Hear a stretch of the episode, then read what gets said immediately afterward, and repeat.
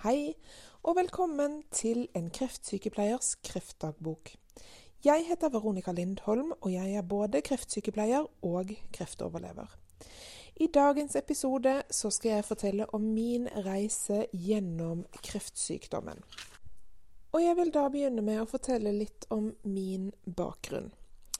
Jeg er som sagt kreftsykepleier, ehm, og jeg har to barn. Og jeg er i tillegg det som heter NLP-coach.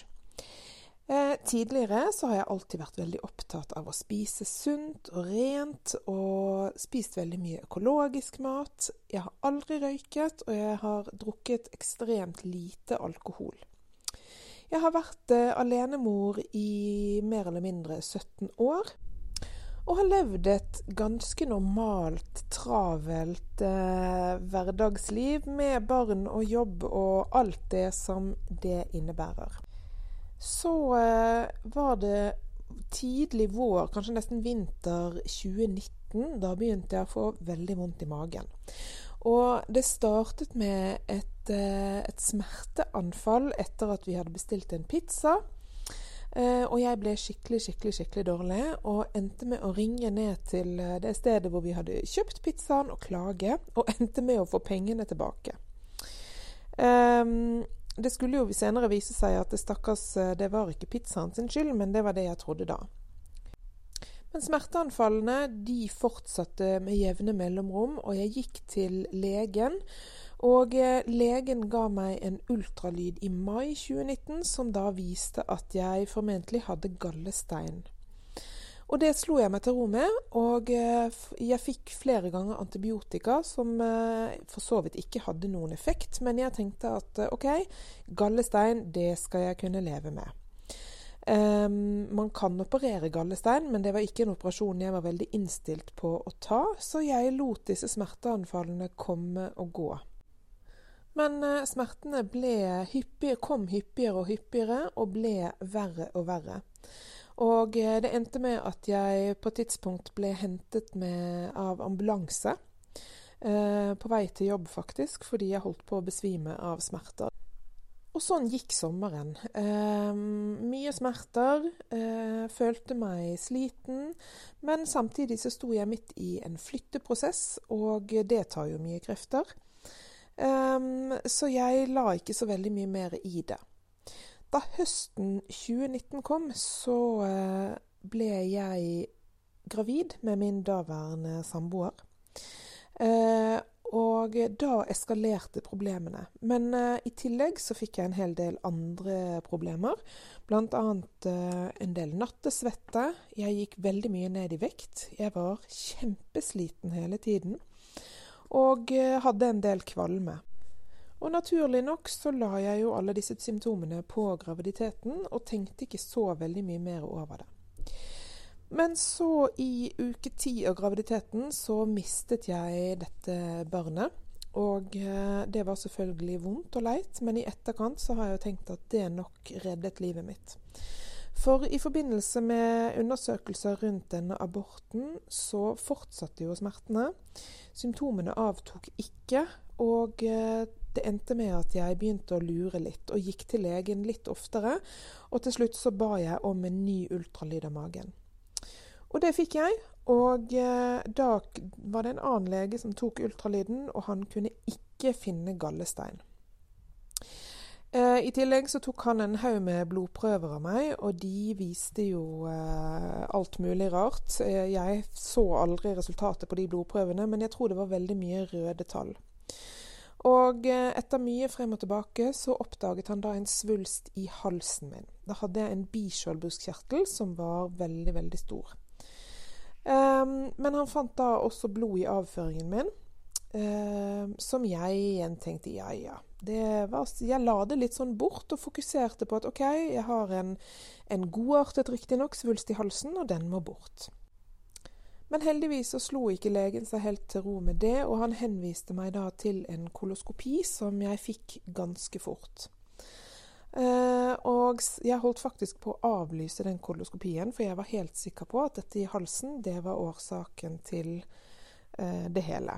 Um, men avlyste ikke, heldigvis. Kom inn. ble lagt på benken, og midtveis i undersøkelsen så støtte vi jo da på en, eh, en diger klump, og, og, jeg rakk å si det før legen overhodet sa noe, at det der, det er kreft. Og det kunne han jo bare bekrefte. Eh, så han avsluttet undersøkelsen ganske fort, og eh, konstaterte at jeg da hadde tykktarmskreft. På dette tidspunktet så kunne vi jo ikke si eh, om det var spredning, eller hvor stor den var. Han kunne gjøre et estimat, men, eh, men han kunne ikke si så mye. Eh, men jeg ble veldig raskt eh, henvist videre til flere undersøkelser, og etter to uker så kom jeg inn for å få en operasjon. Da jeg la meg på operasjonsbordet, så var jeg forberedt på at jeg ville våkne med en stomi. Det gjorde jeg heldigvis ikke. Eh, det hadde vært helt greit, eller jeg var helt innstilt på at, på at det var greit, men jeg er selvfølgelig glad for at det ikke ble sånn i etterkant. Men eh, under operasjonen så fjernet de da eh, en nesten 10 cm stor kreftsvulst, og den hadde rukket å spre seg til lymfeknutene. Og de fjernet da 71 lymfeknuter for å være på den sikre siden. Det har eh, kostet i ettertid, men eh, der og da så føltes det veldig greit. Under operasjonen så har jeg nok eh, utviklet noen blodpropper i beina, og de beveget seg opp i lungene. Og det første døgnet etter operasjonen så, så lå jeg på oppvåkningen, og der opplevde jeg plutselig at jeg holdt på å dø den følelsen av å ikke få puste, og i tillegg ikke bli trodd, for det var det jeg opplevde. Jeg følte ikke at de trodde på at jeg ikke fikk puste. Eh, I ettertid så har jeg lest min egen journal, og jeg ser at de har reagert veldig, veldig fort og tatt det veldig på alvor. Men de har nok bare prøvd å roe meg ned. Eh, men like fullt så var det den opplevelsen jeg hadde, at jeg ble ikke trodd. Uh, og jeg gikk nok inn i en form for uh, panikktilstand, for jeg husker det som ekstremt angstfylt. Uh, og jeg var helt sikker på at nå dør jeg. Men jeg døde ikke, heldigvis, og jeg ble kjørt over på intensiv veldig fort, der jeg ble lagt til overvåkning. Og der ble jeg faktisk liggende i en hel uke og fikk Eh, såkalt intravenøs plumbo for å løse opp disse blodårene. Det heter egentlig heparin.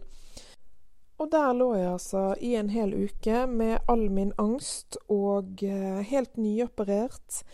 Um, fare for, um, for indre blødninger fordi jeg fikk veldig do store doser med heparin, og samtidig som jeg hadde et ferskt operasjonssår i magen.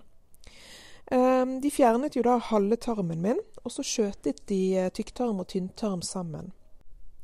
I forbindelse med operasjonen så ble jeg eh, forferdelig forstoppet. Og det da å, å, skulle sitte og få magen i gang og trykke så forsiktig som jeg kunne når jeg måtte på do, og samtidig ikke trykke for mye, for da kunne jeg risikere store indre blødninger, det skapte enda mer angst. Og angsten den ble så voldsom at jeg egentlig ikke fungerte i det hele tatt. Jeg som eh, sykepleier og kreftsykepleier, jeg kan den basale sykepleien, men der og da så måtte jeg til og med spørre sykepleierne og legene om hvorfor pulsen steg, hvorfor blodtrykket steg. Eh, altså sånn helt enkle spørsmål som, som jeg burde i gåseøyne visst svaret på, men i situasjonen jeg var i, så greide jeg ikke ikke og se min egen situasjon, og hvorfor eh, jeg reagerte, eller kroppen reagerte sånn som den gjorde. Det å, eh, å, miste min egen faglighet, det var utrolig skamfullt. Og eh, jeg husker jeg sluttet helt å si hva jeg jobbet med. Jeg syntes rett og slett det var for flaut å si jeg er kreftsykepleier, men jeg aner ingenting om min egen sykdom og min egen kropp der den lå på sykehuset. Og jeg hadde heldigvis veldig mange gode sykepleiere og leger rundt meg, men jeg var dessverre borti et par sykepleiere som kom inn og sa 'jammen, dette vet jo du alt om, for du er jo kreftsykepleier'. Og den følelsen det ga meg, den var så smertefull, og det ga meg så mye skam og håpløshet over meg selv og min egen situasjon. Uh, og det er nok noe av det jeg har uh, som har satt seg sterkest i systemet mitt, at, at jeg mistet min egen, min egen, faglighet. Det var uh, veldig, veldig vondt. Men det var én ting jeg hadde kontroll på, og det var hygiene. Jeg ble helt besatt av at jeg skulle ikke lukte sykehus, jeg skulle ikke lukte pasient. Og mine pårørende de fikk i oppgave å ta med kremer og såper og alt mulig rart som hadde duft, for jeg skulle i hvert fall ikke lukte av sykehus. Eh, så jeg satt i sengen og smurte meg med alle mulige dufter, og, eh, og, hadde stålkontroll på når jeg sist hadde smurt meg, og når jeg skulle smøre meg igjen for at det skulle dufte godt. Det ble, det ble liksom det lille jeg, jeg klarte å ha kontroll på. Det var hygiene. Men eh, etter hvert så kom jeg heldigvis ut av intensiven, og de fikk kontroll på eh, blodproppene. Og eh, så fikk jeg lov å reise hjem. Og de neste ukene ble da gjenopptrening og forsøke å gjøre meg selv så hel som mulig etter operasjonen før jeg skulle i gang med cellegift. Um, og det ble noen veldig, veldig tøffe uker. Jeg har alltid gått mye tur. Alltid vært relativt eh, Kanskje ikke sånn supertrent, men eh, følt meg ganske sterk. Men nå klarte jeg ikke engang å gå eh, de meterne ned til postkassen og tilbake igjen uten å bli dårlig. Jeg var så utrolig svak. Um, I tillegg så fikk jeg hadde jeg store smerter. Og både angst og smerter og utmattelse tok absolutt alt jeg hadde av energi og overskudd til, til både tanker og eh, å fungere i hverdagen. Men eh, ukene gikk, og eh, så skulle jeg da starte på cellegift. Og samtidig med at jeg startet på cellegift, så stengte Norge ned for første gang pga. korona. Og det skap, la jo en ekstra sånn angstdimensjon oveni alt den andre, all den andre angsten jeg også hadde. Og, og det ble, det ble en, en, ekstra belastning som jeg ikke unner noen å få. Jeg fikk eh, både intravenøs eh, cellegift og eh, i pilleform. Eh, det vil si at jeg tok faktisk cellegift nesten hver eneste dag. Jeg hadde fem dager uten cellegift helt på slutten av hver periode. Og det var jo det som, som, fikk meg gjennom hele forløpet. For det var en forferdelig tøff kur. Og eh, etter første runde så måtte de faktisk redusere dosen for å få meg gjennom hele forløpet. Og det igjen skapte enda mer angst, fordi jeg ikke greide å få full dose. Og dermed så kom alle disse tankene om at oi, ja, men nå får jeg jo tilbakefall fordi jeg ikke har klart full dose. Men jeg eh, kom nå i gang, og jeg fortsatte med litt redusert dose, og kom meg etter mange måneder gjennom kuren. Det vil si preget både kuren og operasjonen, og, eller hele det halvåret jeg fikk behandling, det var angsten. Det var angsten som var det aller, aller verste. Eh, jeg klarte ikke å se at jeg kom til å overleve dette her. Eh, jeg har jobbet med veldig, veldig, veldig syke kreftpasienter nesten hele min karriere. Og det var der jeg plasserte meg selv. Blant de aller, aller sykeste. Og, av, eh, og det på tross av at legen faktisk ga meg en ganske god prognose. Men jeg, det var som om jeg ikke klarte å ta inn at jeg kom til å overleve. Um, jeg mistet alt håp, jeg mistet all tro på at det overhodet gikk an å bli frisk for kreft. Og det var så motsatt av hva jeg satt og sa til mine pasienter som kreftsykepleier. Fordi en av de tingene man gjør, er jo å forsøke å gi håp. Og forsøke å se realistisk på prognose og diagnose, og ehm, det, det klarte jeg ikke med meg selv. Jeg så kun død. Men jeg kom meg gjennom, og eh, sommeren 2020 da var jeg endelig ferdig behandlet. Jeg fikk min siste operasjon eh, i halsen der om sommeren.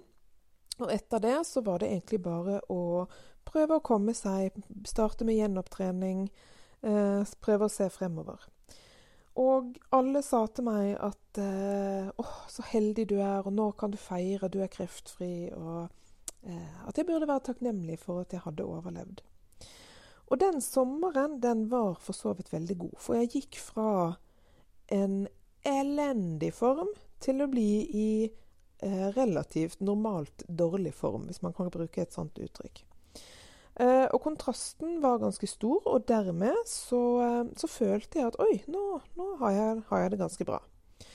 Eh, og allerede september 2020 så begynte jeg forsiktig å jobbe igjen. Men eh, det viste seg jo ganske fort at det var altfor tidlig. Men da jeg etter hvert begynte å trappe opp, så hadde jeg ikke mer sykemelding igjen. Og jeg vurderte at da måtte jeg begynne å jobbe 100% Og julen 2020, da, eller like etter jul, uh, altså januar 2021, da gikk jeg tilbake i 100% jobb. Og der vil jeg jo si at uh, korona ble min uh, gode venn, fordi pga. hjemmekontor, pga. korona, så, så, så, klarte jeg å skjule hvor lite krefter jeg hadde. Jeg klarte å skjule hvor lite jeg faktisk greide å gjøre. Um, og jeg vet ikke om, om, min Jeg hadde en fantastisk sjef som muligvis så gjennom fingrene med det lille jeg gjorde. Eh, det vet jeg ikke. Men, eh, men, jeg følte at jeg ikke strakk til på noe områder. Midt oppi det hele så sto jeg også i et samlivsbrudd som heller ikke var morsomt, og som også tok veldig mye krefter.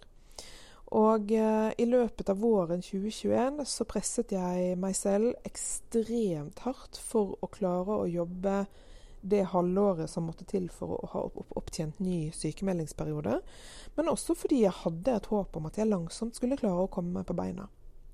Men det som skjedde, var jo det motsatte. Sommeren 2020 så fikk jeg en skikkelig smell. Gikk rett på trynet og lå hele sommeren og fikk en ny langtidssykemelding etter sommeren 2021. Og parallelt med alt dette så begynte jeg å Så utviklet jeg en dyp, dyp depresjon. Jeg så ikke lyset i tunnelen. Jeg så ikke hvordan jeg skulle overleve. Um, og alle de mekanismene jeg tidligere hadde brukt for å reise meg etter ulike slag og fall, de fungerte ikke. Og jeg hørte på et tidspunkt et uh, uttrykk som het 'Hva skal man med skuddsikker vest hvis døden kommer fra hjertet?' Og det var akkurat sånn jeg følte meg. Jeg følte at OK, kreften hadde holdt seg unna. Jeg kom kanskje ikke til å dø av kreft. Men jeg følte at den depresjonen og sorgen jeg gikk inn i etter behandlingen, den holdt på å ta livet av meg. Og det ble en uh, kjempetøff kamp som varte fra behandlingsstart og til jeg uh, begynte å få hodet litt ovenpå. Da, da tok det faktisk to år. Og det tror jeg dessverre gjelder veldig mange kreftpasienter. Mange opplever at når behandlingen er over, så står man igjen som en skadeskutt eh, et eller annet, og vet ikke hvor man skal ta tak i livet for å begynne å reise seg igjen. For det å få kreft, det er et sjokk. Det er en eh, identitetskrise. Og mange opplever at de mister fotfestet i veldig, veldig lang tid. Og sånn var det absolutt for meg også. Jeg trodde at det liksom skulle være lettere for meg, fordi jeg var jo kreftsykepleier, og jeg visste masse om kreft fra før av. Men jeg skal hilse og si at det kanskje faktisk var en, eh, en ulempe at jeg kunne såpass mye. Ehm, jeg har faktisk ikke googlet én eneste gang, verken nå eller i løpet av hele behandlingsforløpet mitt. Jeg kjente at, at eh, jeg måtte forholde meg til hva legene sa. Jeg kunne ikke blande inn verken fag eller Google eller kollegaer i dette her. Og Det er ikke sikkert at det er riktig for alle, men det var veldig riktig for meg i den situasjonen jeg sto i. Og jeg har det faktisk fortsatt sånn at jeg vil ikke lese statistikk. Jeg vil ikke lese om min egen diagnose, fordi angsten tar fortsatt tak i meg. Og eh, jeg merker jo det at hver gang jeg har kontroller, så blir den angsten vekket til live igjen. Kanskje vil den sitte resten av livet. I hvert fall så, så vil den nok sitte i eh, fem år.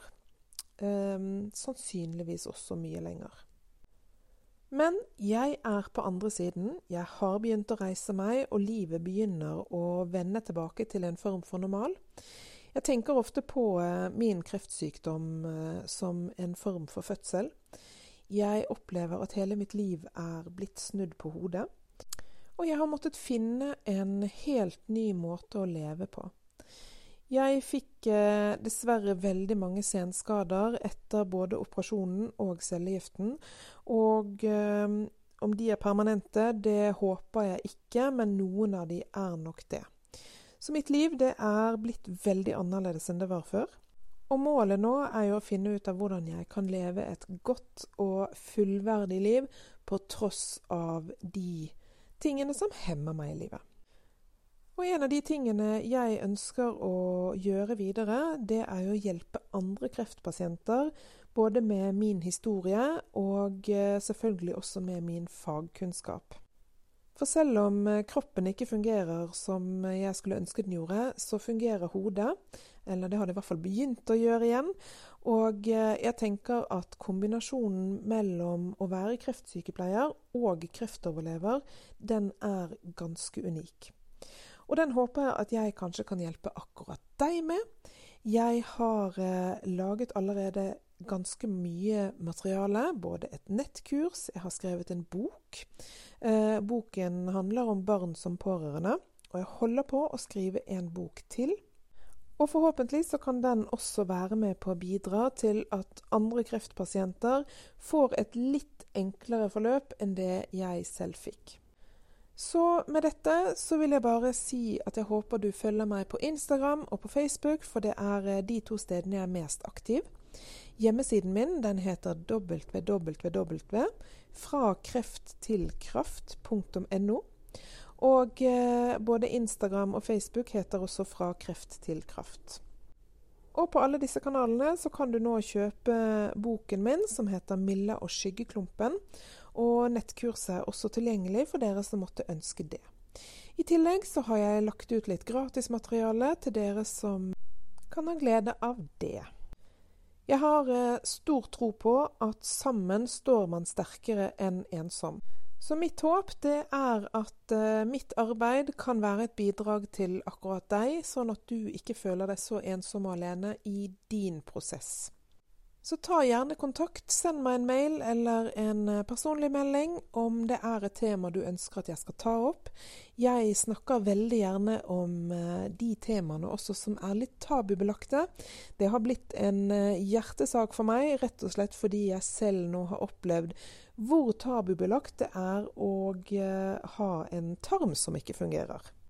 Så send meg en lyd, og så håper jeg at denne podkasten eh, var til glede og hjelp for noen av dere der ute. Ha det bra!